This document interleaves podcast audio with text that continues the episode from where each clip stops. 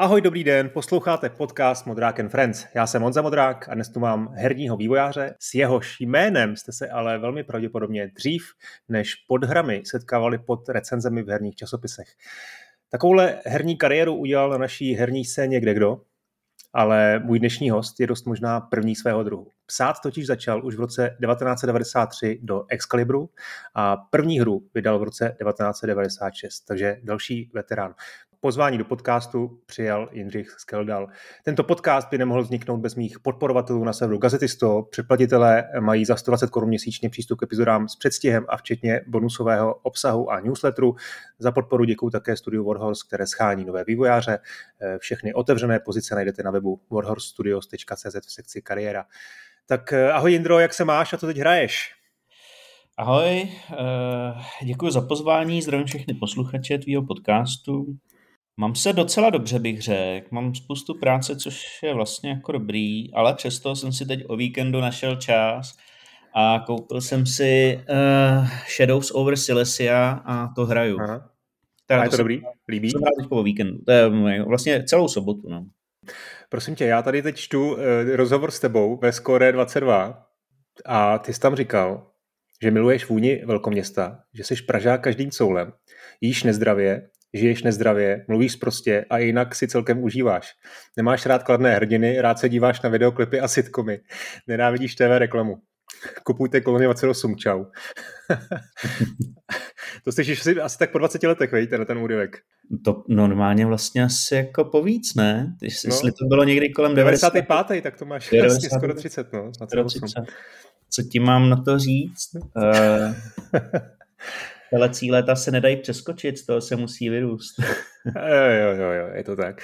Uh, no, hned na úvod mám na tebe takovou trošku záhodnou otázku. Nechci být impertinentní, ale jak to je s tím tvým příjmením? Teda já jsem tě představil jako Jindru Skeldela, ale ti pamětníci uh, Excalibru a Score tě znají jako Jindru Rohlíka. No hele, je, je to tak, Eh, je to tak, já jsem se přejmenoval. Já jsem se eh, narodil jako Jindřich Rohlík a pak jsem se v souvislosti se svatbou přejmenoval na Jindřich Skeldal. To je jako Počkej, krátká verze. V souvislosti se, se svatbou to znamená, že manželka byla Skeldalová, jo? Nebo jo. jestli převzal no, jméno. No je to tak. Hele, uh, kolik máš času? Hele, ne, jako nechci být nějak jako přehnaně osobní ani do toho šťourat, prostě ne, řekni nějakou krátkou verzi. Jako. Mně to vůbec nevadí, tohle je prostě tak, jak to, uh, mně to nevadí. Uh, a já, uh, nevadí mi to, že se na to ptáš takhle a nevadí mi ani o tom mluvit. No, je to vlastně tak, že já, když jsem se měl ženit, tak už jako dlouho předtím, že když jsme žili s partnerkou, už jsme vlastně měli, měli první dítě, tak uh, jsme si to nějak jako asi vyjasnili, nebo já jsem měl aspoň ten dojem, že teda jako se vezmeme, budeme mít společný příjmení a že a tak jako, že se teda budeme jmenovat Rohlíková. No. A krátce před tou svatbou Ona přišla s tím asi tři měsíce, víš. Já teda nevím, jaký máš zkušenosti ty, ale já prostě občas s těma holkama mám tu zkušenost, že něco, co si normálně vyřešíš, a považuješ to za eh, jako daný, teda tím pádem a pustíš to z hlavy, tak najednou oni jako úplně nečekaně udeřej. A teďko udeřila hmm. tři měsíce před svatbou, že jako vlastně by se nechtěla jmenovat Rohlíková, že to jméno je jako blbý, no. Hmm. A že si ji to jako nezdá. Já to jako na jednu stranu chápu, jo, ale to jsme fakt jako řešili prostě léta předtím. A já jsem říkal, že jako asi ne. A, a ona, jestli bych si nevzal jméno jako mm, její, a já jsem říkal, že vlastně jako asi taky se mi nechce a jestli si nemůže nechat svoje jméno. A já jsem říkal, hele, no, tak to se ale jako nemusíme brát, jako, jak, jako lidi poznají, že patříme k sobě jako, ale jako podle prstínku nebo tak. No a byl jsem jako, jako rezistentní. A já jsem řík, a nakonec jsem teda jako začal trochu měknout, protože takhle to prostě taky bývá. A, a protože já jsem si to třeba představil i teda, jako že máme teda děti, že jo, a ty se budou jmenovat Rohlíkovi, my jsme ještě v té době jsme, já mám dvě dcery, ale v té době jsem měl jednu dceru a Eh, říkal jsem, že budeme mít teda další ještě dítě a že se bude, třeba to může být i jako kluk, a že já jsem si teda jako něco užil, jo. Eh, v dospělosti už to samozřejmě neřešíš, protože tohle to všta, hmm. veškerá krutost se na těch eh, jako vybije právě jako mm, na dětech, protože ty dokážou být krutý. A v té době mi to vadilo, to teda jako připouštím, ale prostě pak v dospělosti už to neřešíš. Ale jak jsem si na to vzpomněl a říkal jsem si, no tak No tak dobře, no. Tak, eh, tak bychom možná mohli mít nějaký jako společný jako příjmení si vymyslet něco, jako co s náma souvisí a tak. No a, a nemohli jsme na nic přijít. Jo. Dlouho jsme to řešili a padaly úplně nejrůznější jako legrační věci. A jedna z těch legračních věcí, která aspoň já jsem si myslel, že je legrační, jo, e, jsem říkal, jak bychom se mohli jmenovat po týmí první hře, že jo. Ona teda nebyla úplně první, ale i tak jako beru, jsem první na ní začal dělat, když šla jako druhá. To byly brány z Keldalu. No tak jsme se tomu zasmáli, že jako se nebudeme jmenovat brány z Keldalu a tak. No a e, když jsme se teda nedohodli, Eh, tak eh, jsem to, tak, tak jsem jako měl za to, že jsme, eh, že teda to zůstane při starém, že se vezmeme, ona přejme moje příjmení a tak. A zase jsem to pustil z hlavy, já jsem hrozně naivní. no asi za měsíc přišla a říká, tak jo. A já jsem samozřejmě vůbec nevěděl, o čem je řeč. A říkám, co? Tak jo. No tak jo, tak se budeme jmenovat jako podle té podle tý tvý hry. A já říkám, jako brány z Keldalu, zbláznila se. A říká, ne, brány, jenom z Keldal aha, a teď já jsem, teď, a teď to je úplně zase, jako, a oni to jako vědí, jak na nás, jo. Teď, se, teď jsem si říkal, no tak jako na jednu stranu to zní trochu blbost, veď, ale teď, teď teda jako ta ješitnost se ve mně zase jako trošku jako vzednula. Říkal jsem si, pánové, nechci se vás dotknout, ale kdo z vás to má, by se jmenoval po hře, kterou udělal. Že? Tak jsem to říkal, hele, nezlob se, já si to musím ještě chvilku rozmyslet, jo. Je to přece jenom jako trochu nečekaný pro mě. Já jsem to jako chvíli přemýšlel. No. no to máš tak, že když, eh, když se jmenuješ tímhle tím způsobem, tak si to sebou jako neseš. A já jsem pak jako přemýšlel o tom, že vlastně nechci, aby ty děti si uh, tím prošly, že je, to jako, že je to jako zbytný. Asi to není nic proti ničemu, nakonec uh, každýho něco utváří, ale že jako vlastně je to zbytný a teď teda se jako řeší tohle. No a když jsem byl na základce, no a ono to jako ty lidi nepouští ani v dospělosti. Já jsem třeba ještě k třicetinám eh, dostal od eh, kamaráda jako strouhanku, jako pacl, víš, abych si ten rohlík složil. no, prostě hrozně vtipně. Ale to asi stačí, Jindro.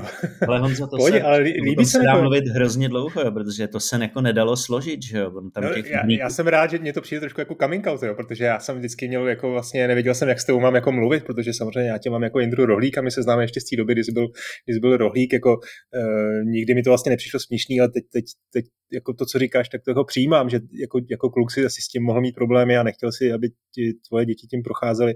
Tomu rozumím zase, myslím si, že jsou jako podstatně jako horší jména na tohle. No to jsou, hele, my jsme třeba na základce měli kluka, který se jmenoval Krchov.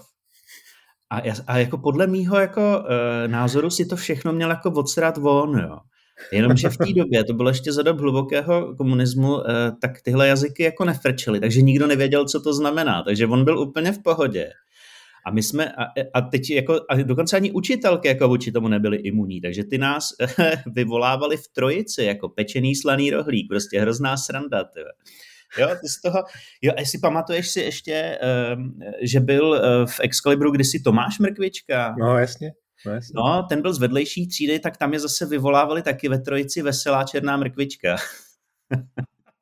ty, Ale ty učitelky si to taky jako neto. A, no. a já bych tomu taky asi ne, to, to jako neodoláš, no. Tohle, no to jako, je to sice ne. zlý, ale prostě zase pak ale... máš v tom kabinetu, máš o čem vyprávět, no.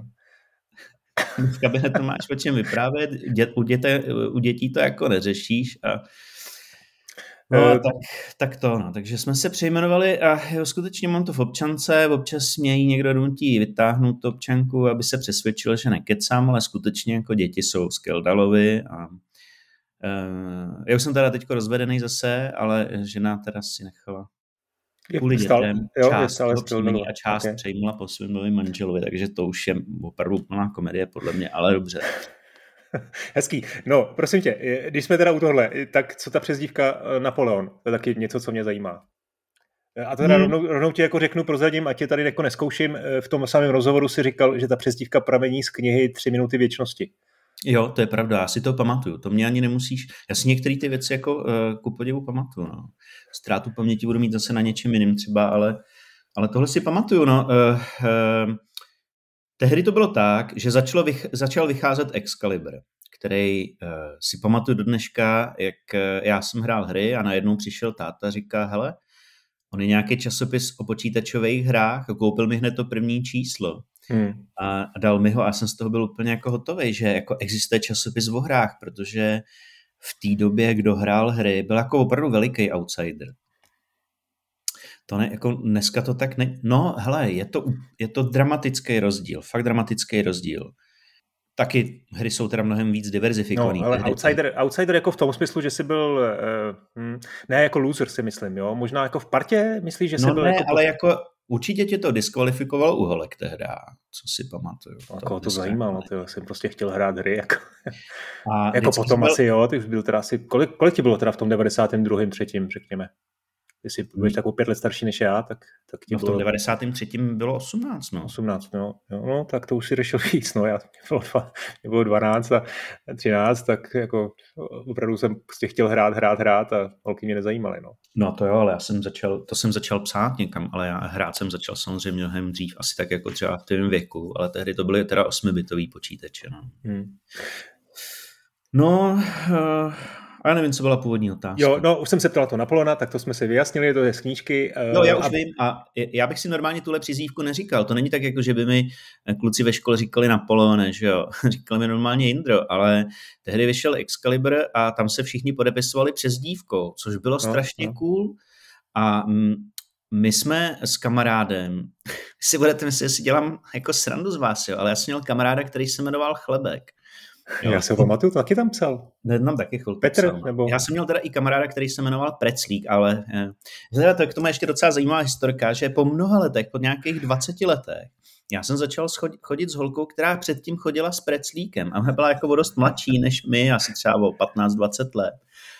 A aby já jsem věděl, že chodila s Preclíkem pak je najednou prostě po mně na Facebooku hodila ovci, což je úplně mimo mojí věkovou kategorii. Ale dobře, jak jsem na to odpověděl. A začali jsme spolu chvíli chodit. A ona pak všude vykládala, že je specialistkou na pečivo ze 70. let. Takže s tímhle jménem, hele, ze Skildalem zase tolik legrace jako nezažiju. Jo. Z začátku, než si hmm. lidi po přejmenování eh, zvykli, jak se to vůbec má vyslovovat, tak mi říkali chvíli třeba Stendhal. Jo. Jo, anebo když jsme pak, eh, jsem se, se teda necháš přejmenovat eh, třeba jako částečně kvůli těm dětem, pak přijdeš na Mikulášskou a teď ten Mikuláš, který teda si měl vyměnit eh, dioptrie před třeba deseti lety už, jo, začne číst ten, ten lístek a říká, tady pro, pro nadílku si přijde Aneška Skandálová. Ale Takže seš... prostě, jak to máš v osudu napsaný, tak se můžeš přejmenovat jak chceš jasně, a stejně jasně. bude vždycky prdel s tvým jménem. A pak jsem přišel na nějaký udílení cen a když už teda trefili, že tam je Skeldal, Uh, jo, a uh, tam byly jako cedulky, kde se má kdo posadit za sedací pořádek, tak tam napsali Jiří, Jiří Skeldal, takže, ale já se to asi To je osud, no. Ale zase jsi jediný v republice, ne? Asi jako Skeldal.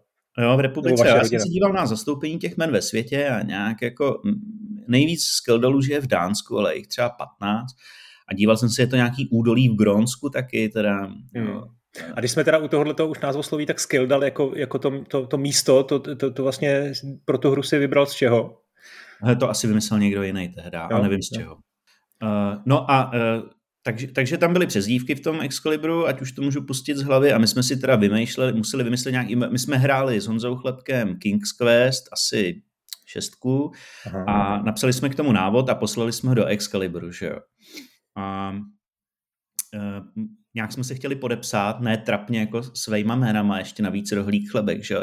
že on byl jako Johnson, a já jsem byl jako, jako Napoleon a protože já jsem jako nevěděl, co si narychlo vymyslet, tak jsem vzal to, co jsem zrovna čet, že tam byl prostě počítač Napoleon, který řešil který řešil prostě případy nějaký jako detektivní, což byl docela fajn koncept, takový inteligentní, ale velký, nepřenosný, takže on mu to vždycky ten detektiv musel vyprávět. No a e, takhle já jsem se dostal vlastně do Excalibru. Mě tam tehdy mě Andrej e, zavolal, Andrej Anastazov, jestli nechci pro ně psát asi to nebylo kvůli tomu, eh, že, bych, eh, že by to bylo nějak jako eh, jazykově tak brutálně vyspělý, ale on si od toho, tehdy byl King's Quest 6 docela nový.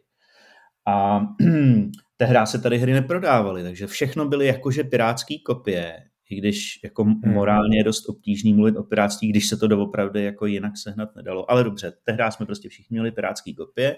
Aby jsme hmm. měli celkem nový pirátský kopie, tak, na, tak on si od toho sliboval, že jim je budeme dodávat, protože měl v tehdy vlastně jakoby problém mít nové hry.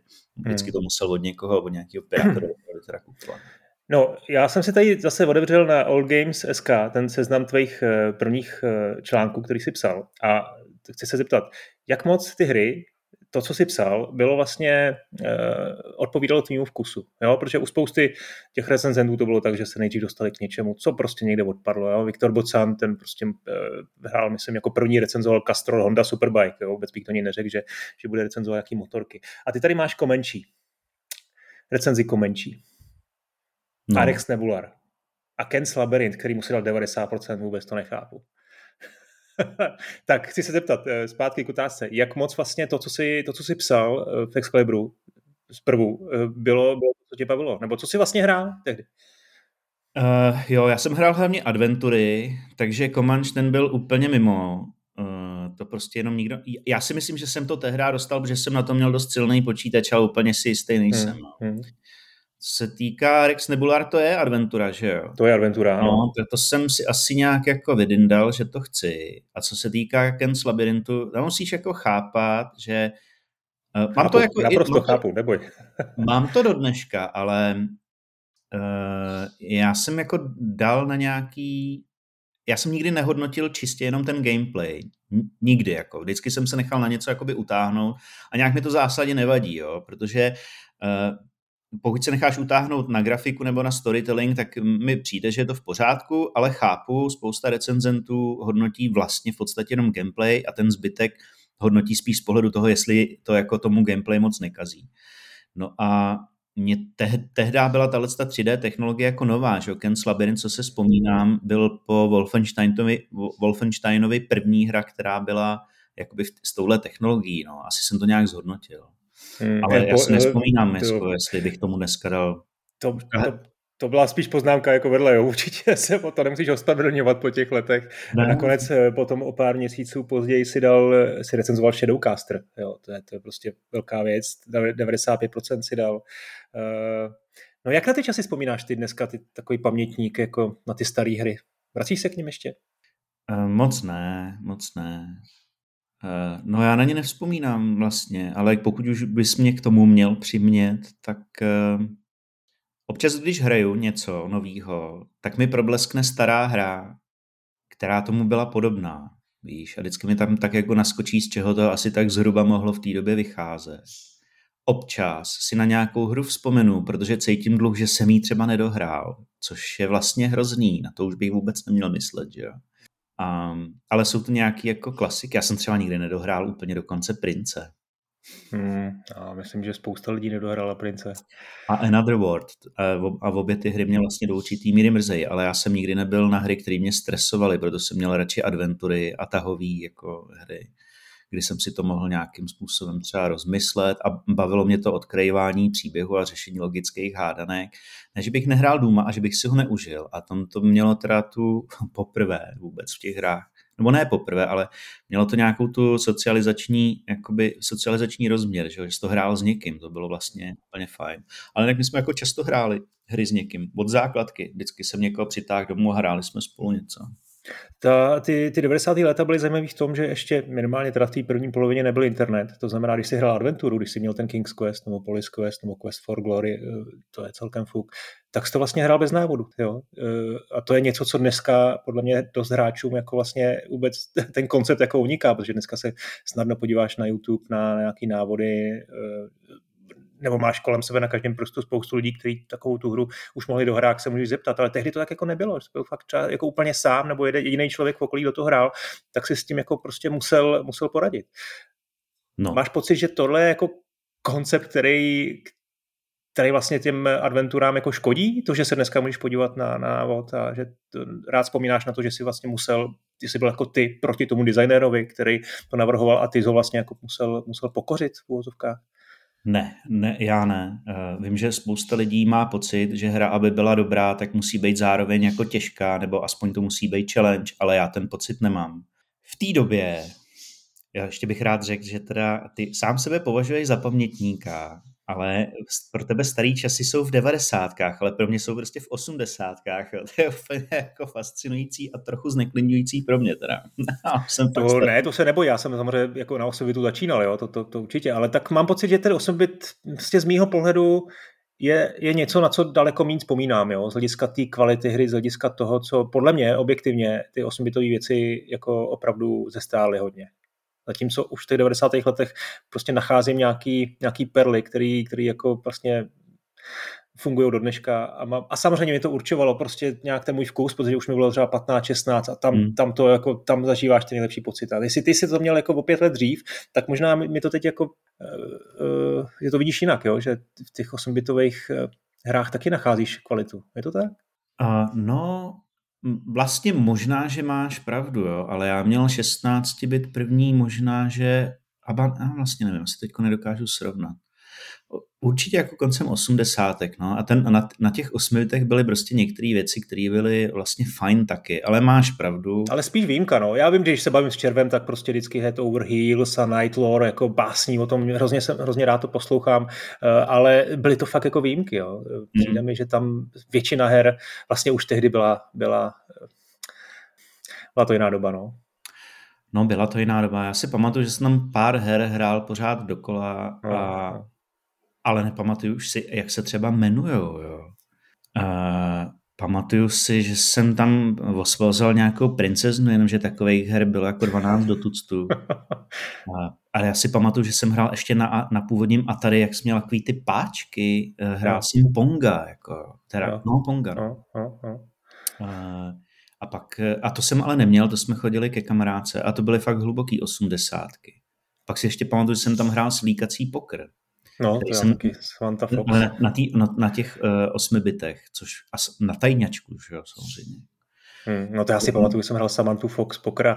Dokonce já jsem neznal pravidla pokru, a to nebyl takový ten Texas Hold'em. Eh, bylo to něco složitějšího, že máš dvě karty, pak dobíráš pět, pak se zase něco odkryje jako eh, karty pro všechny. Takže jsem vlastně jako po, poznával ty, ty pravidla úplně bez toho, abych k tomu dostal jakýkoliv návod. No, to byla jo, taková jo. doba. Ale vlastně, no, trošku to i s tím souvisí ta původní otázka na ty adventury a na ty návody. Jo, že... jo, jo, jo. No hele, to bylo, když jsme hráli adventury, skutečně, jak říkáš, dokud nevyšel návod v Excalibru, tak jsme to museli hrát uh, jako sami. Jo. A bylo to vlastně v té době, jsme to cítili skutečně jako, jako určitou výzvu dohrát to dřív, než na to Andrej nebo Ice napíšou návod.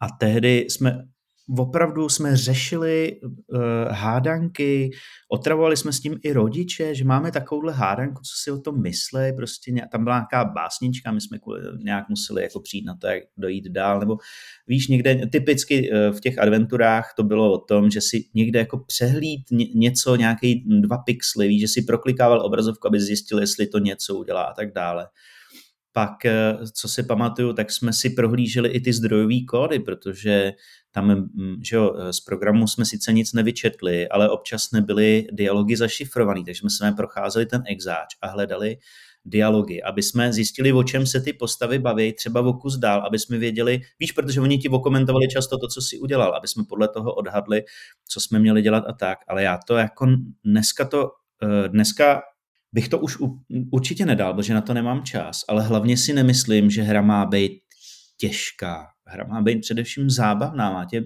bavit to, jak to prožíváš a nemusí tě jako ponižovat, nemusí ti to dělat takhle jako seromasochistický. To, v té době to prostě dělali často jako poměrně dost, ne, nevím, jak bych to řekl, jo, dělali to třeba programátoři, sami si to navrhovali, kteří měli specifický způsob myšlení, opravdu to dělali jako výzvu, opravdu to dělali těžký. A mě to vlastně jako nebaví. Mě, mě baví, když ta hra sama o sobě eh, poskytuje jako prožitek, který mě baví a, a a to, to, to, je jako, to je pro mě ta zábava sama o sobě, nepotřebuju to překonávat. Jako.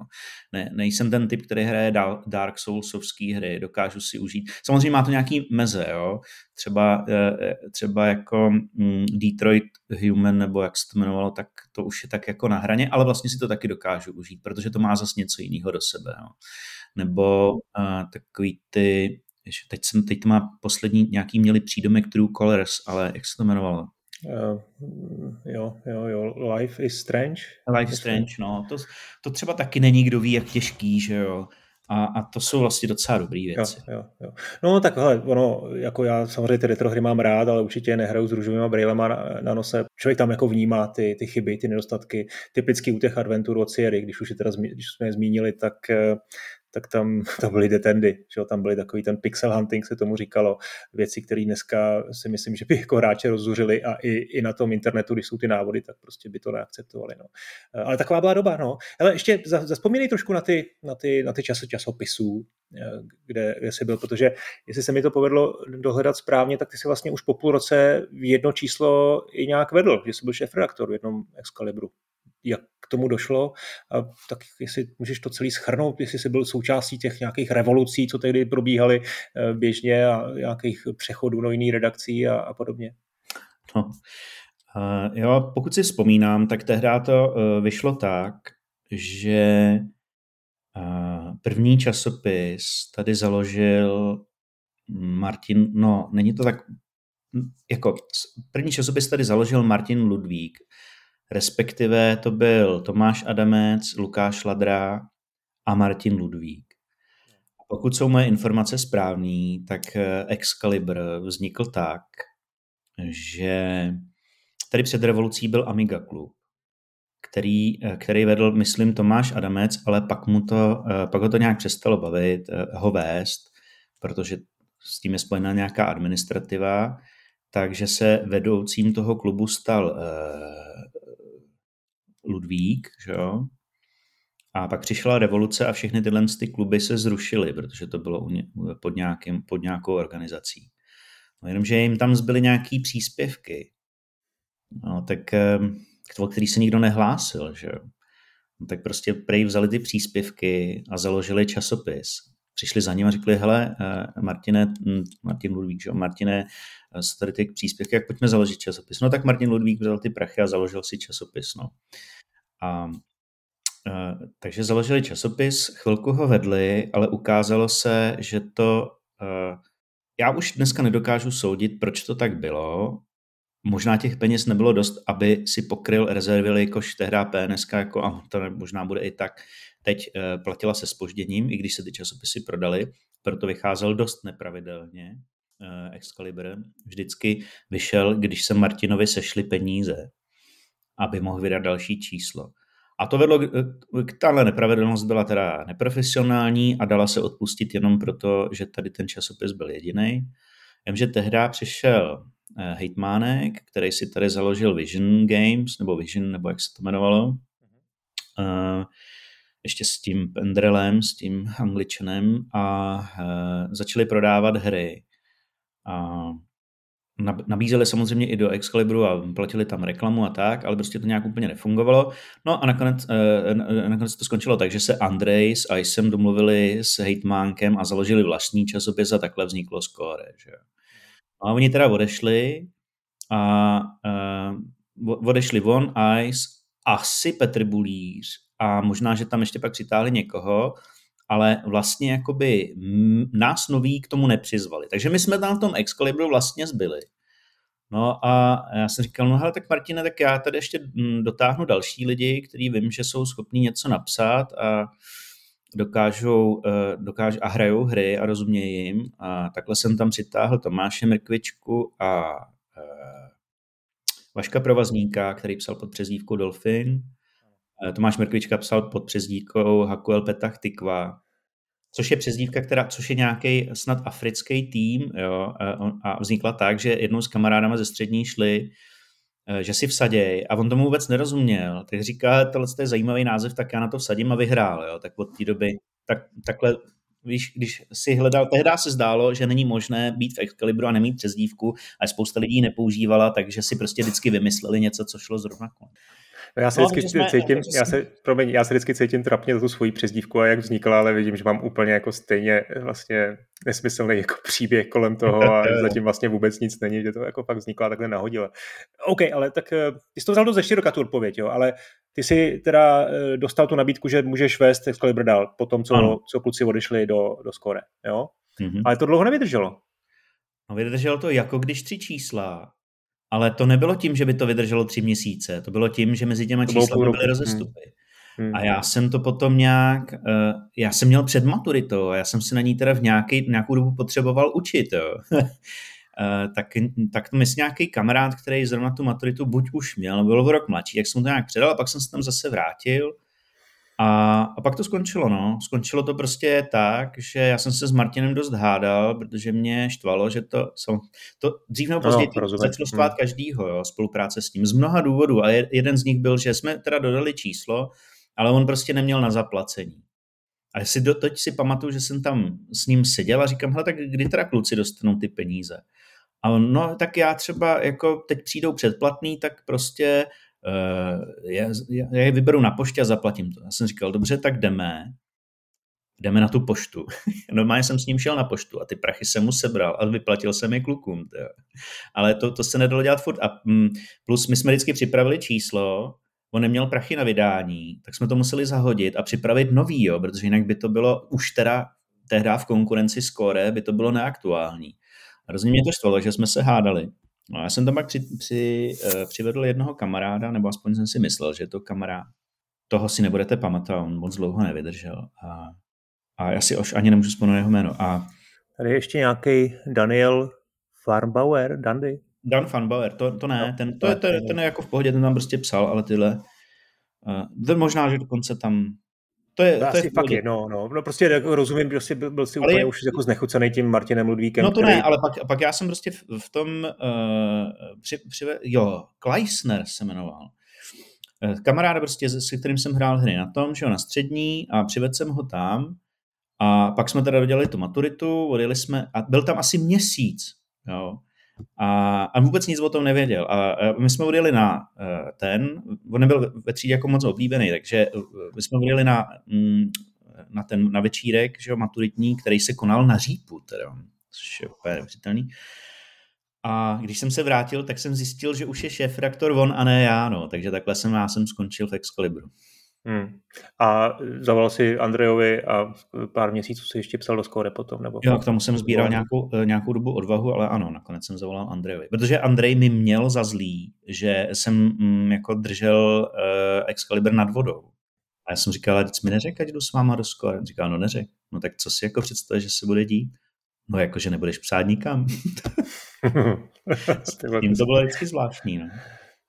No a teď teda zkus to ale už, už třeba nějak jako stručněji říct, teda celou tu, celou tu svoji historii ve verní časopisech, potom teda skore, psal si dlouho, ještě pak se dostaneme ke Gamepage, vlastně ještě, vej, to je dalších pár let, jako který se dělal. Jo, tak ve zkratce, pak jsem psal chvíli pro skore, eh, pak byla zase nějaká revoluce, kdy část skore odešla eh, dělat, tyjo, jak se to jmenovalo, no vlastně jiný časopis herní, který už dneska neexistuje, pak jsem chvilku dělal přílohu časopisu VE, VTM no, herní. No, jasně. Pak eh, jsem chvilku psal to, jak, to, to byl Kyborg nějak, nebo jak se to jmenuje? Jo, jo. A já myslím, že taky vyšlo jenom pár čísel. Pak jsem psal chvíli pro level, ale tam jsem dělal vlastně jenom série rozhovorů s herníma osobnostma. Většinou teda s českýma, takže tam jsou raný rozhovory s Vávrou a s Klímou a tak. Pak eh, jsem dělal chvíli gamepage, jednak moderátora, jednak jsem psal scénáře. A pak eh, jsem veškerou svoji novinářskou kariéru asi ukončil. No. Hmm. Hele, ještě mi řekni, jak se tehdy vlastně takový časopis dělal? Jo? 94 třeba. Doba před internetem. Na čem se to dělalo? Jak to probíhalo? Byli jste prostě vlastně ještě studenti? To znamená, jako asi jste tam nechodili každý den, psali jste doma na počítačích už nějaký T602, já si to vůbec nemohu představit. Jak se to jako vlastně prakticky, jak ten časopis vznikal? No prakticky jsme si ty hry sehnali sami, zahráli jsme si je, napsali jsme to v té 602 a poslali jsme, přinesli jsme to Martinovi na tom, na kazetách. Eh, na disketách, sorry. Protože eh, internet, já jsem pak začal chodit teda na vysokou a tam uh, e-mail si dostal, až když si složil první státnici, jo. to nebylo jako pro každýho. Jo. Ten byl za odměnu. Tak, uh, takže jsme to jako opravdu nosili na disketách, no, ty recenze. Jsem pozbíral diskety, doneseme Martinovi a bylo. No a ty, ty jako šéf-redaktor nebo viděl jsi ten časopis, dělal to nějakou, proběhlo to nějakou jako eh, odbornou korekturou jazykovou, viděl jsi prostě ty zalámané stránky, mohl to nějak ještě jako ovlivnit? Jako... A moc jsem, já vím, že jsem se do toho snažil kecat a občas jsem si něco jakoby uhádal, ale jako um, nějaký velký vliv na to, jak bude vypadat ten vizuál, jsem teda opravdu neměl. A hlavně já jsem to jako neuměl, já jsem byl jako kluk, já jsem to začal dělat někdy před 18, uh, eh, před 18 jsem někdy začal, no ne, tak jo vlastně ne, no, někdy, někdy kolem těch 17, no, asi jo, 17, 18, nějak tak. Já už si to přesně nepamatuju, kolik mi v té době bylo, ale bylo, byl jsem prostě mladý kluk a, a neměl jsem to vůbec nas, vystudovaný a nevěděl jsem o tom nic, prostě jenom jasně, jo, tak eh, jsou tam ty recenze, jsou tam ty návody, nějaký úvodník a, a tyhle ty věci, tak to tam jako dodáme, takže jsme dodali eh, veškerou náplň, udělali jsme ty obrázky, což dneska není žádný problém, ale tehdy to bylo jako něco k řešení. Tam prostě byly hry, které se opravdu jako skoro nedaly. Jo. Tam si normálně greboval paměť, videopaměť a pak si v tom hledal ten obrázek. Nebyly žádný na to jako udělátka z počátku. To bylo opravdu strašný. Um, pak se zalámal časopis, on tam měl nějakou interní korektorku, tuším, která to vždycky jako, která uměla česky, ale zároveň lámala, takže to vždycky projela a upravila nejhorší chyby. A No, to bylo asi tak všechno. Ne, nebylo to nějaký zvlášť profesionální, bylo to nadšenecký velice. A tu plachtu jako šef redaktor, když jsi měl teda 48 stran, věděl si, že to má takovýhle rozsah, že tam bude nějaká inzerce, takže máš dispozici zhruba, já nevím, třeba 40, 42 stránek, tak si jako plánoval, co tam bude, co, co vychází, jak, jak, jak tohle probíhalo? V podstatě ale taky nadšenecky, ale upřímně řečeno už si tohle moc nepamatuju. Měl jsem uh, prostě ty, já nevím, jestli teda říkáme plachta tomu samýmu. No, jsem hodně dlouho. Taky jako rozpis, no říká se tomu něco. No, no. jasně, a rozpis stránek, že jo, lichá suda a tam jsem si vždycky no. psal, co tam bude. Pak Martin náhodou někde sehnal reklamu, tak mi řekl, tak tohle musíme vyhodit a, a, a to, tak to jo, to, to jsem si jako rozplánovával, kde co hmm. zhruba bude.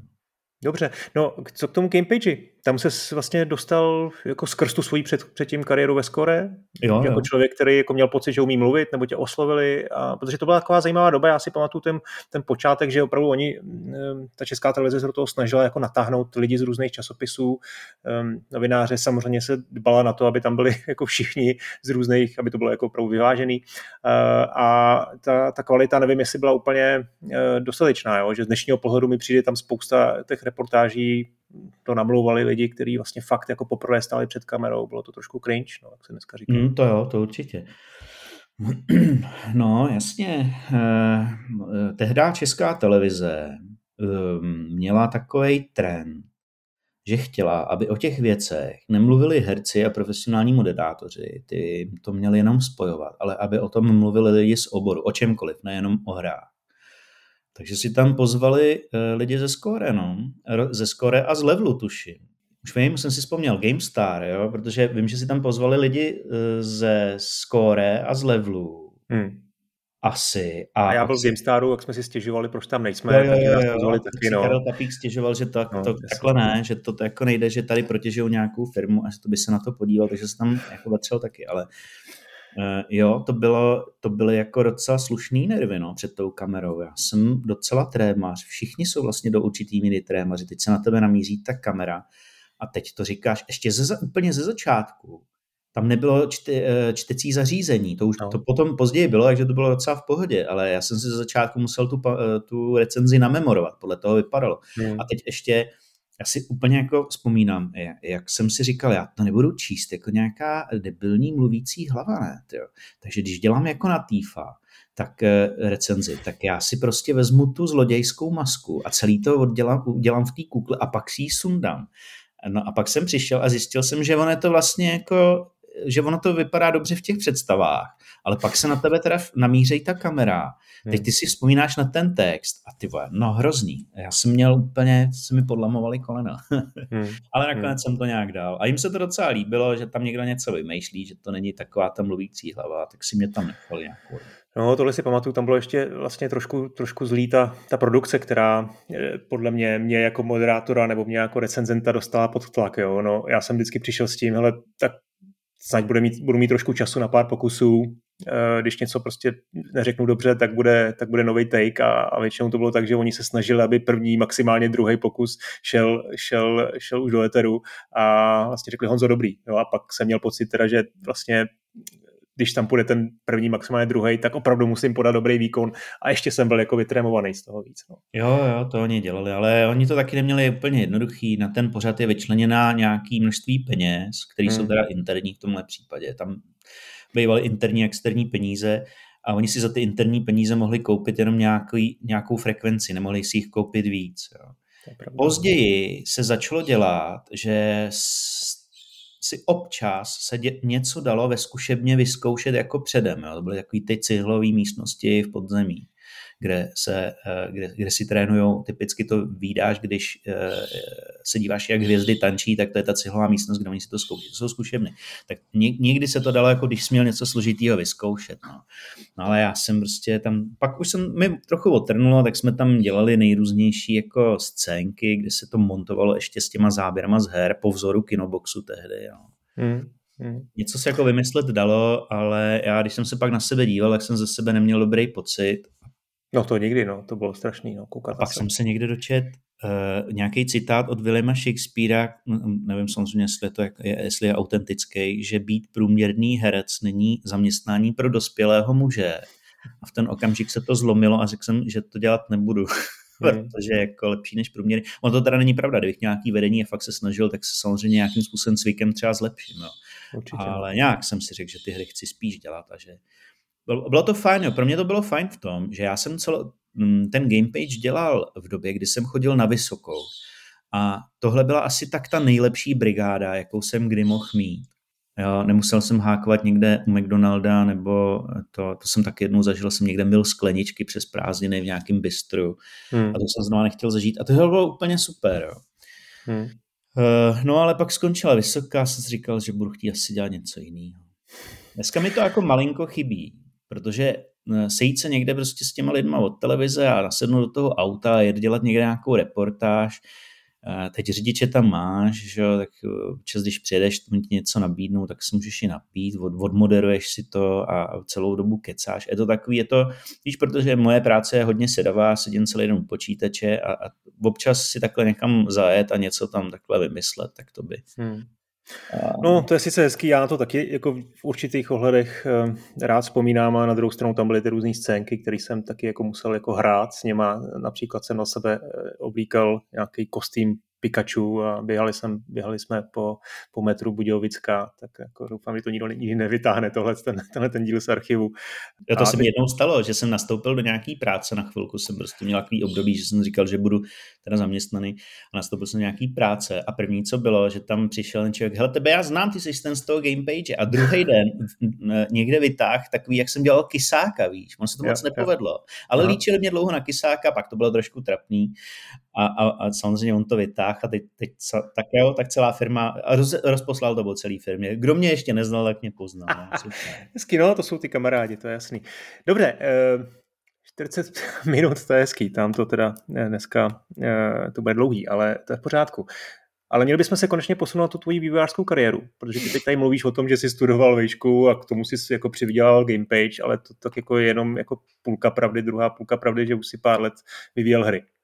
Jo, a na to se vlastně já těším dneska nejvíc, protože to je jako je ten můj motiv dneska vlastně předat těm mladým posluchačům informaci, jak se dělali hry v devadesátkách. Jo? Že třeba s Petrem Vachoskou bohužel asi uh, rozhovor neudělám, ten, ten je nedává, tak, uh, tak jsem zvědavý, co, co z tebe vypadne, jak se dělaly hry v polovině 90. let. Ty jsi založil Napoleon Games v 94. roce už. Jak k tomu došlo? No já jsem psal o hrách a velice záhy mi došlo, že mi to nestačí jenom je hrát a psát je a, a chtěl, chtěl jsem je dělat, no a neměl jsem absolutně žádný tušení, jak je dělat. No. Tak uh, jsem si, tak i, dneska už bych to dělal jinak, jo. Dneska je to o tom, že když chceš teda dělat hru, tak ji teda začneš dělat, domluvíš si s kamarádama a nějaký jako technikále řešíš uh, později, jako zakládání firmy a jako jasně, že si s těma klukama vyjasníš, jak, jak si toho medvěda rozdělíte, když rozporcujete, když ho teda ulovíte, ale já jsem v té době měl pocit, že to prostě musí být jako, že na to snad musí být i nějaký zákon. Takže první, jako že jsem si založil živnost Jenomže v té době já jsem si nemohl založit živnost na to, že budu dělat v IT, když jsem neměl ani maturitu. Tak táta zaplatil eh, v hospodě někomu pivo, aby se mi tam počkráp jako odborný dozor. A on jsem taky vůbec nic nevěděl. Tak se mi tam jenom jako počkráp a já jsem si mohl pořídit živnostňák ještě předtím, než jsem měl maturitu na služby v IT, dodnes ho mám. No a pak jsem sehnal lidi, kteří to umějí naprogramovat, což já jsem v té době neměl který to budou umět nakreslit a nějakým způsobem zpracovat. Nevěděl jsem o tom vůbec nic, všechno jsem se to učil za pochodu. Tak jak jsem o tom nic nevěděl, jak jsem ani nevěděl, kolik to tak může stát, tak jsem se vždycky tak vyzvídal, za kolik bys to tak jako udělal. No a e, oni to taky neuměli, takže to vždycky špatně odhadli, takže pak z toho byly třenice, takže tehdy jsem dal dohromady 120 tisíc, což dneska...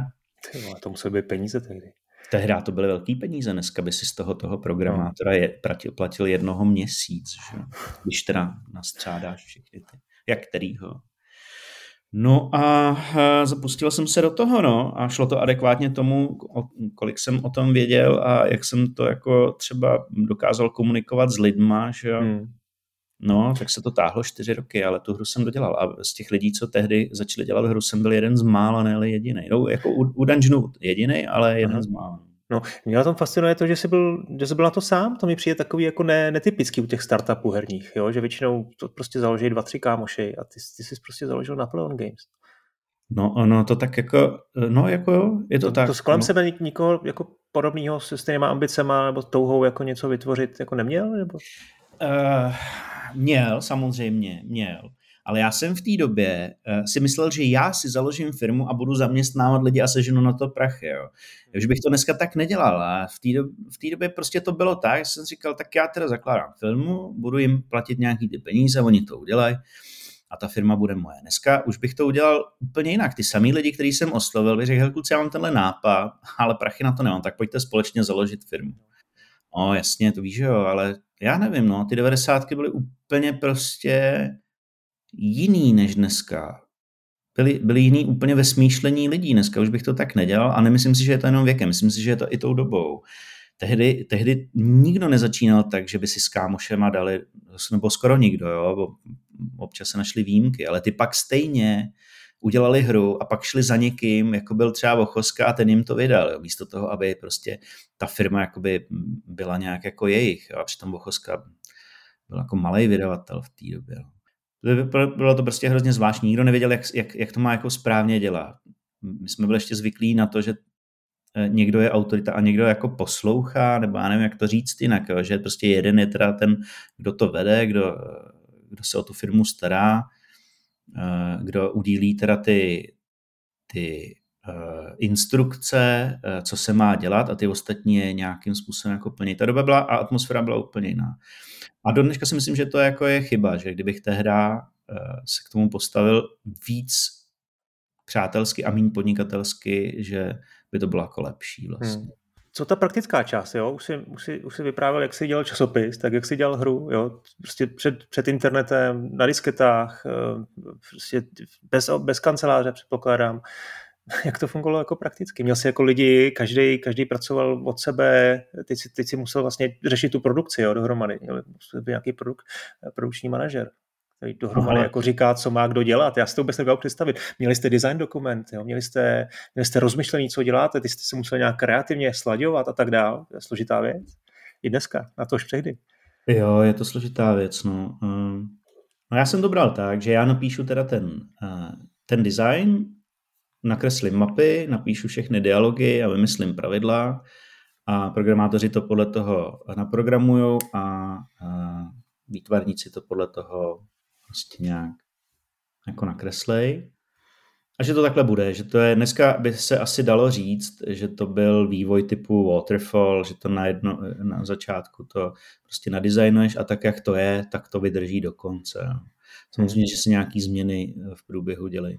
A já jsem byl v tomhle tom vlastně jakoby, nejdřív jsem si, úplně jsem začal tím, jsem založil firmu a když jsem jí měl, tak jsem teda sehnal ty peníze, které byly z větší části od mýho táty, který mě v tom podporoval, ale část do toho jsem ukecal i tehdejšího šéf-redaktora Ikárie, Vlado Ríšu. Do toho dal další část peněz. Já jsem říkal, já jsem byl zvyklý na, jenom na pirátský software. Já jsem říkal, no ale když chci teda podnikat, nemůžu mít pirátský software. Přeci nemůžu tu hru skompilovat v něčem, co bude pirátský. Na to se přece přijde, že jo? A já půjdu do kriminálu, takže ne. Takže z těch 120 tisíc jsem 20 vzal a koupil jsem za to tehdy Vatcom, kompilátor. Jo, a tu jsem měl teda ty programátory, takže on se mnou šel do vesmíru do firmy, kde se to prodávalo. Vlastně si ho vybral jakoby on, jo, protože já jsem nevěděl, co mám, hmm. co mám chtít. No. Uh, no bylo to hrozně jako metodou, já jsem si to, ale myslím, že v té době jsem si to nepřipouštěl, že nevím, jak se to dělá. Vůbec mě to nenapadlo, že by to mohl být nějaký problém. Jasně, chci dělat hry, taky začnu dělat. Hmm. A za pochodu jsem se učil, ani jsem nevěděl, co jsem tehdy vlastně jako nevěděl. No tak dobrý, takže jsme koupili uh, kompilátor, že jo, a začali jsme teda dělat. No, ty kluci uh, pracovali z domova, vždycky uh, jsme si buď volali, protože tehdy žádný jiný možnosti komunikace nebyly, anebo jsem prostě vysloveně přijel za nima a seděli jsme spolu u nich v pokojíčku, protože ty kluci studovali, že jo.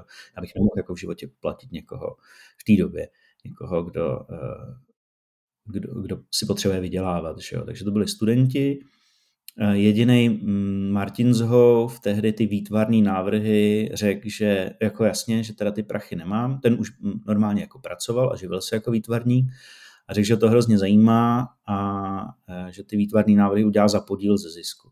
Což taky udělal. Ty podíly ze zisku samozřejmě dostal kde kdo tehda, kromě programátora, který řekl, že ho podíly nezajímají, že chce jenom peníze.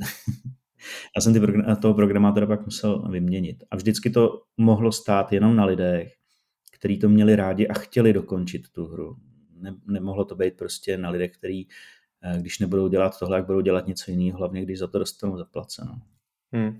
No ještě ty už vlastně tady mluvíš trošku o bránách Skeldalu, o té svojí první velké hře, ale ještě tam byla jedna hra předtím, v 96. si vydal, nebo Napoleon Games vydalo Kolony 28. Hmm, což... jo, já jsem tehdy se seznámil s Karlem Matějkou ve škole a e, nějak jsme se teda dali dohromady a zjistili jsme, že děláme hry, jo. A, a já jsem mu ukazoval teda tu svojí a on ukazoval tu, tu jeho a ta jeho byla Kolony 28.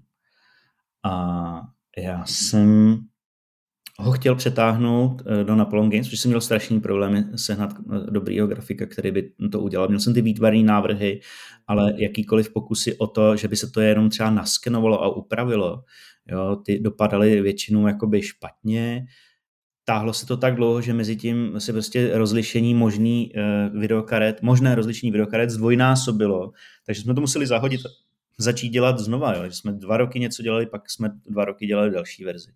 No a on říká, ale já mám rozdělenou tuhle hru a ji chci dodělat. A já jsem říkal, dobře, tak eh, já ti s tím třeba trochu pomůžu a vydám ti to. A on to měl tehdy domluvený s Vochoskou, já jsem mu to přebral. já jsem mu dal asi nějaký jako větší podíl, nebo myslím, že to. No a ještě jsem mu s tím nějak jako i trochu pomáhal, spíš teda asi morálně. Já vím, byl jsi tam podepsaný, myslím, že jsi psal dialogy, no, nebo jo, se zvukem si dělal. Uh, každopádně strašně zajímavá hra, jo, na 96. rok, já myslím, že to byl trošku inspirovaný asi flashbackem, bych řekl, možná bez skákání, flashback, nějaký mix 2D plošinovky s, s prvkama adventury, jo, logický puzzle, byly tam, bylo to dost jako eh, No, myslím, že ty, ty, ty přestřelky byly hodně obtížné. Ale hele, kreativu moc nechci řešit, protože tady budu mít Karla Matějku. Jenom mi řekni sám za sebe, eh, jak na to vzpomínáš na kolony na tu Jo, nakonec vzpomínám moc rád, jo. to bylo vlastně moc fajn a tehdy jsme se dohodli, že nejdřív dokončíme kolony a pak on bude dělat na, na Skeldalu a tak to i dopadlo, no. Hmm.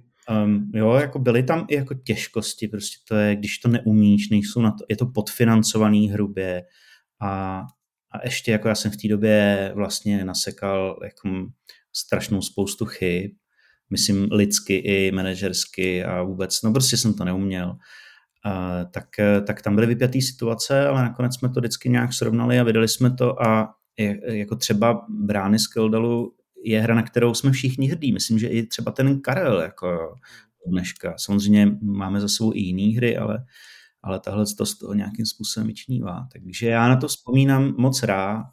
Přál bych se, abych nenadělal eh, tolik chyb, ale na druhou stranu, uh, co už, no. Uh, takhle, kolony, kolik se to prodalo tehdy? Vůbec nedokážu si stavit, jestli to bylo třeba tisíc kusů a už to jo, vlastně bylo považované za úspěch. Já, já jsem si to totiž, já jsem se tehdy nedohodl uh, s vydavatelem, nebo respektive ne, eh, špatně. Tehdy jsem byl já vydavatel. A distributor a... chtěl hrozně moc procent asi. Ne, věc. ne, a já jsem se na té distribuci nakonec nějak shodnul s Pavlíčkem, jo? ale já okay. jsem, nebo s JRC, nebo ne, nebo ne, tehdy to bylo možná ve Visionu ještě pořád. No jo, jo, jo. A, takže já jsem to vydal a protože tehdy se vydávaly hry, uh, když už byly český, tak se na tom strašně šetřilo a mě to hrozně vadilo. Ty jsi měl ten obal, který byl zatavený v nějaký folii a, ta fol, a, a, a ten obal byl z měkkého papíru a jak se to zatavil, tak se to zmuchlalo a přišlo mi to ošklivý. Jsem říkal, ten člověk za to dá vlastně docela dost peněz v té době. A ani to nevypadá jak ty zahraniční hry. A já, a já jsem, a přišlo mi to, že a dělalo se to někde v Loděnicích a se vším byl problém. A já jsem tehdy našel někoho a nechal jsem to udělat v Německu, tyjo. A nechal jsem to udělat z kvalitního papíru, takže to prostě to úplně vyčnívalo jako produkčně nad, nad tím, co tehdy dělal Pavlíček a, to. a, a Vision končící, nebo já nevím. No, takže eh, to se, to se prodalo tisíc kusů a pak jsme vydali eh, brány z Keldalu a ty vystřelili prostě v živřících prodejnosti fakt jako nahoru. A to jsme, to tehda, to stálo na českou hru, stála tisíc korun. Žádná česká hra tehdy tolik nestála. A stejně se to prostě vyšplhalo do čela žebříčků prodejnosti před zahraniční tituly a hm, prodalo se toho tehdy za tu plnou cenu asi tři tisíce kusů, což bylo vlastně v té době neuvěřitelný. A pak, když to bylo ve slevách u nějakých těch, já nevím, jak se to tehdy jmenovalo, ale a, a aby se to mohlo distribuovat na PNSkách, tak tam byl, tak tam byl nějaký hm, přeložená dvoustránka, u toho bylo to CDčko, Uh, tak... Uh, Taký Games for You a tyhle jo, jo, jo, takovéhle věci, tak to byly pak už asi i desetitisíce jako pro hmm. tisků. No ale jako obrat, dobře, tak když když řekneš jako 3 miliony obrat, tak to je sice jako pěkný, ale na druhou stranu... Já 3 miliony obrat. No tak řekl si 3 tisíce kusů původně, jako z té... Jo, obrat, jasně, aha, no jo, tak z toho já jsem tolik neměl, jo, jo. No, no, no. z toho máš vlastně, jako, já nevím, sotva určitě 23, no tak dobře, 30% řekněme ti zbyde, Hele. protože spousta stojí distribuce, spousta jako výroba, jo, a tak dál. Tak, jak, tak máš jsme, milion jako tom... příjem. A ty jsi to dělal tři roky? Čtyři. Čtyři no ne, to, to vůbec jako není komerčně to... To jsem dělal ještě při škole, takže jsem si to mohl dovolit. Ale já jsem tehdy nechytil to momentum. Měl jsem prostě, ale mm, no možná se ani chytit nedalo, jo, protože v, v té době se investoři na investování do her moc netvářili. Dneska to, už to možné je. Ale v té době byl... A zkoušel jsi to? Zkoušel jsi nějaký investory sehnat? Já jsem žádný investory ne, to neznal v té době. Já jsem vůbec nevěděl, co, co bych měl jako dělat. No nikdo do toho nechtěl dát moc peníze, no. Tehda, tehda se to podařilo akorát Vochoskovi a takhle, takhle vzniknul ten ten. ten no, tehda podle mě slušní lidi peníze neměli ani, jo. A prostě spojit se s nějakým mafiánem nebo s nějakým prostě víš, jo, jo. vexlákem, to, to prostě asi nebylo úplně Jo, občas jsem, pak později jsem zkoušel sehnat peníze menší, tak jsem se dal dohromady s um, Mirkem Papežem, s tím jsme udělali no. Brány z dvojku, ale to bylo taky jako, to už bylo takový jakože trochu s větším rozmyslem, a, ale bylo to taky ještě podfinancovaný. Ale jako dalo se. Hmm. Pak jsem zkoušel právě s Danem Famboerem, ale tam došlo na to, že on by do toho ty prachy dal, ale, ale chtěl by pode mě, ode mě podepsat snad směnku, jo? ale já jsem tehdy ty eh, um, hry chtěl dělat tolik, že bych do toho možná šel. A protože jsem tehdy byl domluvený s Petrem Chlumským, že to budeme dělat spolu a on řekl, že směnku podepisovat nebude, že z toho spíš jako jde pryč říkal, no, tak já z toho jdu taky pryč a dodnes jsem mu vděčný, protože mě asi zachránil velký průseru. Jo. Já jsem tehdy jsem udělal brány z Kildelu, jsem udělal kolony, to se prodávalo, eh, nebo to spíš udělal teda Karel Matějka, já jsem jen tak přicmrdával. Um, pak jsem udělal ty brány z Kildelu, vlastně mega úspěch, že jo, v té době. Dvojka, bez ohledu na to, co si o tom fanoušci z Kildelu myslí, byla komerčně úspěšnější než jednička pro mě.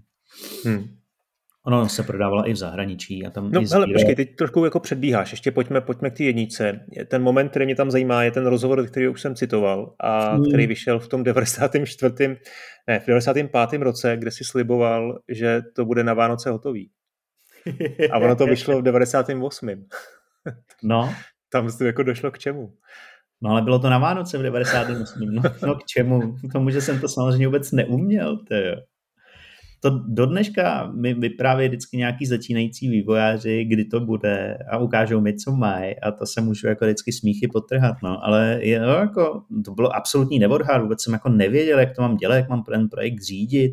A ten scope prostě... se jako změnil? Zvětšil se? Ne, nebo ne, to prostě... to bylo prostě jenom zbožný přání, ale ty se na to díváš jako prismatem dospělého člověka, který už něco od, zorganizoval eh, a, a dokáže si jako říct, minimálně si dokáže říct, dobře, tak když mi jedna postava trvá měsíc a chci jich tam tyjo, aby se mi to dobře počítalo 24, no tak na to potřebuju dva roky, anebo dva, uh, dva charakteráře, tyjo, abych hmm. to měl za rok, že jo. Um, no a to já jsem v té době samozřejmě vůbec nedělal. Já jsem říkal, já jsem si tak jako posadil, vzal jsem si ten horký čaj do ruky a říkám, já myslím, že by to mohlo na Vánoce být. to je dobrý. No a ještě mi řekni ta kreativa, jak vlastně vznikla ta vize Právě Skeldelu. Ty jsi byl asi, jako, já nevím, jsi, jsi tady říkal, že jsi hrál hlavně adventury, tak kde tě napadlo dělat krokovací dungeon? Jo, já jsem ale hrál i krokovací dungeony. Já jsem hrál adventury i krokovací dungeony. No. Uh, hlavně teda Eye of the Beholder. Hmm. Nevím vlastně, proč padla.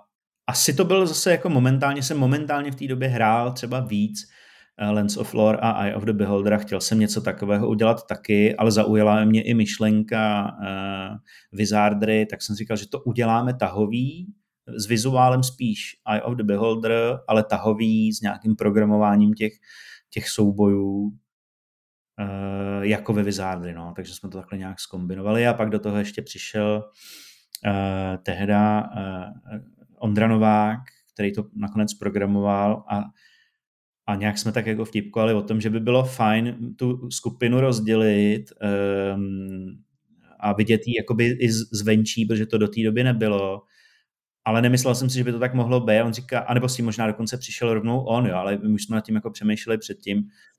A on říká, ale já to udělám. A u, u něj to bylo takový, že u něj, jeho to muselo bavit, jinak byl jako hrozně vlastně naštvaný a nerad na tom dělal. Takže občas byly No, takže jsem mu říkal, dobře, když to uděláš, tak to uděláš, no, tak jo, tak jsme to udělali a změnili jsme i ten systém a tehdy do toho vlastně mluvili všichni, jo.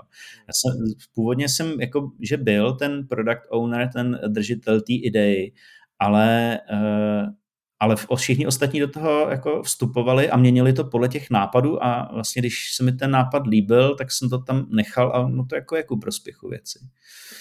Jaká byla tvoje teda přesná role? No, přesná asi mi neřekneš, protože těch rolí bylo víc. Ty jsi byl jednak teda jako majitel firmy, producent eh, a teď si trošku naznačil, že jsi dělal i design, ale zároveň jsi byl i jako spisovatel, že jsi napsal ten příběh, ne? Tam byly nějaký jako kreativní ambice z hlediska, hlediska toho, toho námětu, no. textu? Uh, ty máš v každém podniku, který mu, má nějak, který mu, který uh, chce nějak dopadnout, nebo který nějak dopadne, který dopadne teda tak, že, že ten produkt je, jako je, uh, se dokončí a vydá, tak potřebuješ alespoň jednoho člověka, který od začátku do konce tím uh, projektem hýbe. Do toho můžou vstupovat programátoři, grafici, hudebníci, kdokoliv. Všichni můžou být nadšený. To nadšení jim vydrží pár měsíců. Jako hra se prostě za pár měsíců většinou neudělá pak eh, prostě se začnou opožďovat v tom, co dělají, pak začnou mít jiný zájmy, nebo pokud jsou to jakoby zaměstnanci, tak dobře můžou pobírat ten plat, dobrý, ale stejně se začnou jako spoma- chodit do té práce, protože potřebují plat, že? ale stejně se začnou zpomalovat, občas se začnou prozížet po někom jiným. Ty tam potřebuješ člověka, který s tím hejbe od začátku do konce.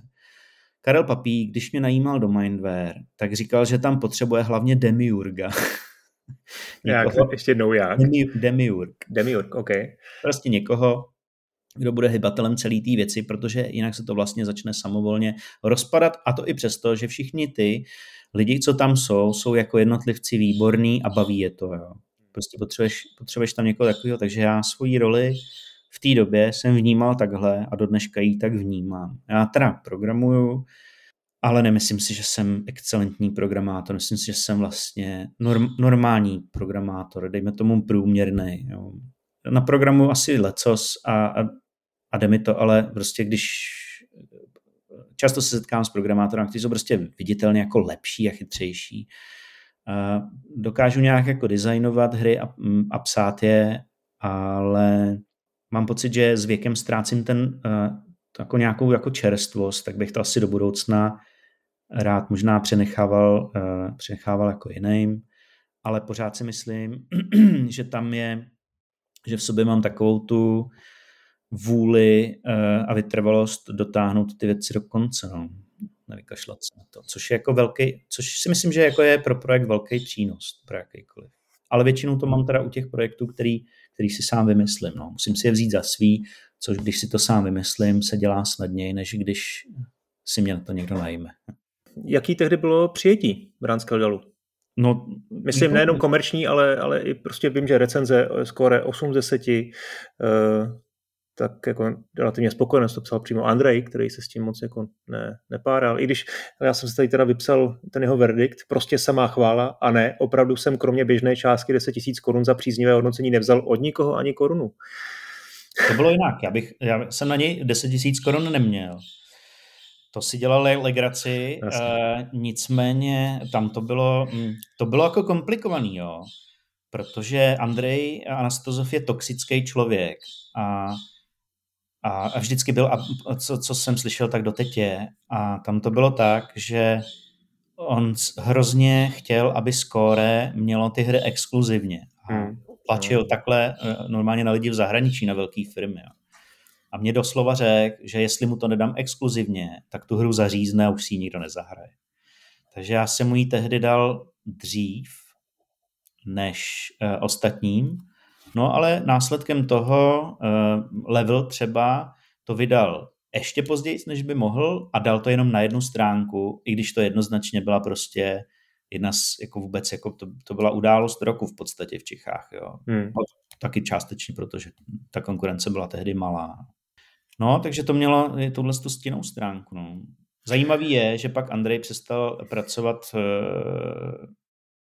ve skóre a ještě předtím teda, než se z něj stal uh, pasák, nebo nevím, jak to jako nazvat, tak, uh, tak chvíli pracoval pro nějakou jako distribuční společnost a myslel si, že využije starý kontakty a zavolal mi, protože já jsem ještě dělal v tom skóre, jestli bych jako něco jako pro něj neudělal, jestli si pamatuju, jak mi tehdy helfnul s tím Skeldalem že je z nějakým úplně jako vlastním vesmíru. A já jsem vůbec nebyl schopen mu nic říct, vůbec mě nenapadlo, co mu na to mám říct. Že z jeho pohledu on tomu dal 8 z 10, já jsem si to dal na tu krabici, Andrej tehdy byl pojem, zejména co se dungeonu týká, ale nějaká jako přátelská výpomoc to teda rozhodně nebyla, no. Bylo to prostě vydírání. Hmm. Eh, no a jaký bylo teda tehdy přijetí u hráčů? Jaký jsme jako zpětnou vazbu? A co třeba piráctví, jaký byl problém? No hele, eh, já vůbec nevím, protože mě, mě, to, že je to úspěch a že se ta hra stala kultovní a legendární, mi došlo samozřejmě až s velkým spožděním, protože tehdy si neměl eh, žádný jako diskuzní fóra, nebyl YouTube, nebylo vůbec nic prostě. Ty lidi neměli v té době vlastně ještě ani přístup pořádně jako všichni na internet. Jo. To byl zlomek, jako e-maily, nic. To dneska, když si dá, vy, vygooglíš, jak se vede tvojí hře, tak eh, během eh, pěti sekund to zhruba jako víš. Jo. Nějaký Metacritics nebo něco takového, agregátory recenzí, nic nebylo. Takže jo, já jsem viděl, že se to prodává, ale to, kolik lidí to ovlivnilo a kolik to jako hraje do dneška, to jsem zjistil až později. A to samý to pirátství, prostě netušíš, kolik jako lidí si to zhrálo z pirátské verze a podobně. Ne, nevím, nevím. A já jsem tehdy uh, už jsem se rozhodl, že tam nebudu lidi srát s pirátskou ochranou. A mám pocit, a nevím, jestli to byly brány z Keldalu, který nakonec asi vyšly uh, pod JRC. Jo, vyšly pod JRC, ale nedával jsem tam žádnou protipirátskou ochranu. Já na, na protipirátské ochrany tohoto druhu, co se tehdy jako dělali, moc nevěřím. Myslím si, že ta protipirátská ochrana nepřinese, nepřine, nepřinášela ani tehdy uh, to, kolik stála, nepřinášela ten výsledek a ještě s tím občas byly problémy. Víš, jako ten, eh, to, kolik stála, ne, eh, nevynahradil ten výnos, který jsi měl navíc, nebo on se to hrozně obtížně počítá. A pamatuju si, že na jeden skill dal, a nevím, jestli to byl ten první nebo ten druhý, ale možná ten druhý, protože ten jsem si zase vydával sám. Jelikož Pavlíček tehdy zdrsnil podmínky a já jsem mu vzkázal, že za těch podmínek si to radši budu prodávat sám v metru. Tím to skončilo tak jsem si to skutečně jako vydal, našel jsem si jiný distributor a pak jsem se musel dohodnout s někým jiným v JRC, aby teda ta čest zůstala zachovaná na obou stranách. Nakonec to JRC prodávalo, ale asi třeba po půl roce. Jo. A na, na, tohle, ten, eh, na tohle to CD, na ten nosič jsem nechal napsat, kdo to ukradne, tomu ruka upadne a tím jsem to považoval za vyřešený. To je pirátská ochrana, jasně. No, jasně. To si nikdo nelajsne, to je, mu padla ruka. V čem ta hra byla jako vlastně dobrá podle tebe? Bylo tam něco, čím se jako vymezovala vůči, vůči těm dungeonům, protože mám pocit, že v tom rozhovoru si taky jako psal něco, hele, Dungeon Master 2 vypadá jako takhle, my budeme vypadat líp, budeme lepší než Lands of Lore, ono to samozřejmě byla vize 95 a ve skutečnosti ta hra v 98 už asi tak eh, tak revolučně nevypadala, ale je něco, čím by brány Skeldalu podle tebe jako vlastně oslovili hráči ještě dneska? Uh, no, jako v té době ta výjimečnost byla, uh, byla jednak byla ta hra v češtině, jo. A to bylo vlastně hodně. Byla v docela kouzelný grafice od Martina Zhoufa a Karla Matějky, protože ten jeho, byť to navrhoval Martin Zhouf, všechno se použít nedalo a ten jeho rukopis tam je jako značně vidět, on tomu strašně pomohl. A... Mimochodem to kreslil na počítači, asi ne, veď? To kreslil... Martin Zhouf? No.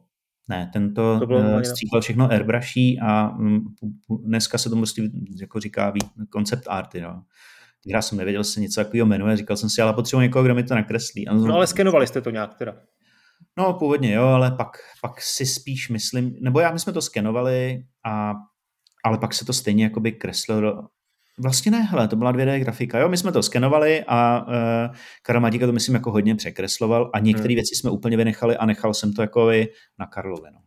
Hmm. Že, že, to vlastně některý vymýšlel on. Třeba ten les si pamatuju, že vymýšlel on a mě to dělal někdo jiný. Já už si nemůžu vzpomenout, jak se ten kluk jmenoval. Já jsem ho nikdy neviděl. Já jsem si ho někde našel přes, nevím, přes telefon a on mi vždycky poslal to hm, přes diskety jako poštou tu svoji práci. To neuvěřitelné. Hmm. Už dneska jako vůbec nedokáže nikdo pochopit. A No a měla teda eh, opravdu jako dvojnásobní rozlišení proti tehdejšímu jako standardu ještě pořád. Uh, no, takže tak, takže v té době oslovila tímhle s tím. Ten koncept rozdělování družiny, ten byl uh, skvělý a já jsem ho teda zužitkoval i v třetím díle. A to už je jiná doba. No. A myslím si, že to ještě může nějakou uh, část hráčů oslovit dneska, už je to velice níž. Hele, ještě mě zajímá jedna z věcí, která se hodně změnila, jsou, jsou peče. tehdy, tehdy spotřeboval tu hru mít dodělanou na to CD a, mm. a šlus, že jo, jako, dobře, už možná nějaký peče někde jako vycházely, to jako je pravda, ale museli si je stahovat lidi z internetu a drtí většině to neudělali, takže nějaký jako kritický bug jako nepřipadal v úvahu. E, jak jsi tu hru vlastně testoval tehdy a e, byla opravdu jako odbugovaná? Uh, nějaký bug tam myslím byl, byl tam, ale uh, jako, já jsem měl fakt jako kliku, prostě Ondra Novák je výborný programátor a nebyly tam vysloveně nějaký brutálně padací tagy, uh, bugy, pardon, bylo tam snad někde v nějaký jako bílý věži si mohl zmáčknout butony na hádance tak, že už to pak nešlo vyřešit, na to ten patch byl a možná ještě na něco, ale už si nespomínám. Nebylo to, nebylo to tak nějak jako brutální, že by že by se to nedalo dohrát. No. OK, poslední otázka. Vydal si to v angličtině? Nebo byla nějaká lokalizace? Ne, nevydal jsem v angličtině. Uh, lokalizaci jsem zaznamenal, ale nějakou spíš fanouškovskou a myslím, že ten překlad byl strojový, nevím úplně přes. Jo. A ne, nebylo to třeba na pořadu dne aspoň, nebo přemýšlel se nad tím, protože to jako, možná jako finančně by to smysl dávalo? Já jsem tehda jsem si koupil uh, jízdenku do Anglie na ECTS. Byl jsem úplně jako jazykově nevybavený. Promiň, Jindro, myslíš 95. nebo 98. Někde mezi 96. Jo, okay. s nějakou meziverzí. A pak jsem to už znova nezaopakoval a nevím proč. Jo, respektive vím proč. Já jsem byl hrozně demotivovaný. Já jsem tam přišel, jazykově úplně nevybavený, to, že bych si domlouval schůzky předem, jako jak je to dneska v nějaký, jako žádný systémy mít meč stejně nebyl. Jo. Bych musel někam zavolat a bleptat tam něco do telefonu. Takže já jsem tam přijel. Ty to bylo úplně neuvěřitelné. Já jsem tam přijel autobusem, půjčil jsem si černobílej notebook od kamaráda, abych to mohl jako vůbec jako předvádět, jsem ho neměl. Přijel jsem tam a neměl jsem vůbec ani zajištěný ubytování, takže já jsem vystoupil s kufříčkem, mladý 18-letý kluk, který chce prodat ve velké, uspět ve velkém světě, tak jsem jako přijel. A začal jsem si schánět ubytování.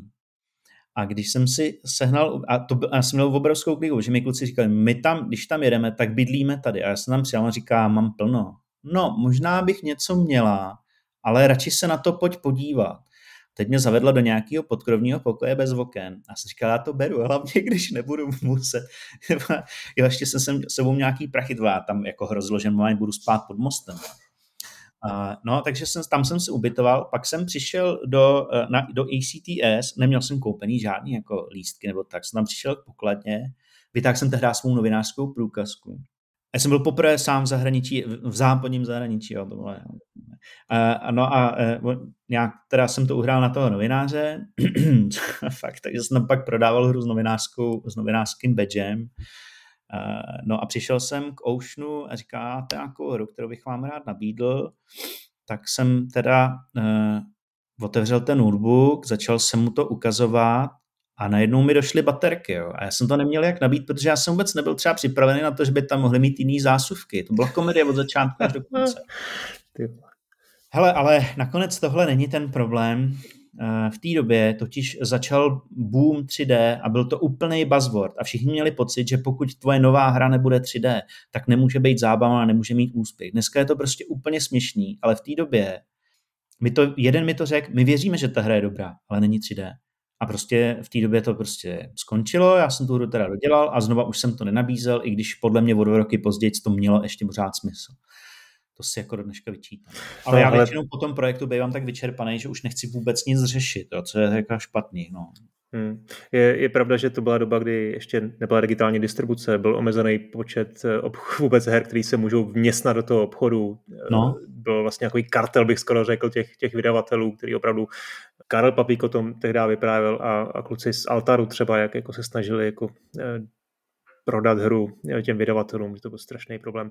A nejenom, nejenom i, ta, i, ta, i ten druhý aspekt, to, že to nebylo 3D, vůbec nějaká, jako, nějaká nostalgie po nějakých starých žánrech, nebo no to vůbec neexistovalo, protože i ty hráči tehdy prostě toužili po 3D, takže rozumím, ale minimálně dobrý, dobrý příběh, tak to jsou brány z Keldalu. pojďme, pojďme radši už dál.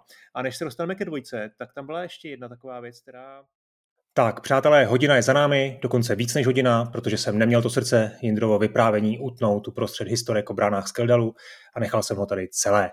Ale pokud chcete, můžete si v kompletní verzi poslechnout ještě skoro celou hodinu navíc, kde jsme se bavili o všech dalších Jindrových hrách, tedy o celé sérii Brány Skeldalu, o nepovedeném Mutantovi a taky o Jindrově angažmá v Mindware, kde udělal střílečku Dreamkiller. Celý podcast je součástí předplatného na modrák.gazetis.to, nicméně pokud vám stačila tahle hodina, tak děkuji za pozornost a těším se u dalšího dílu. Ahoj.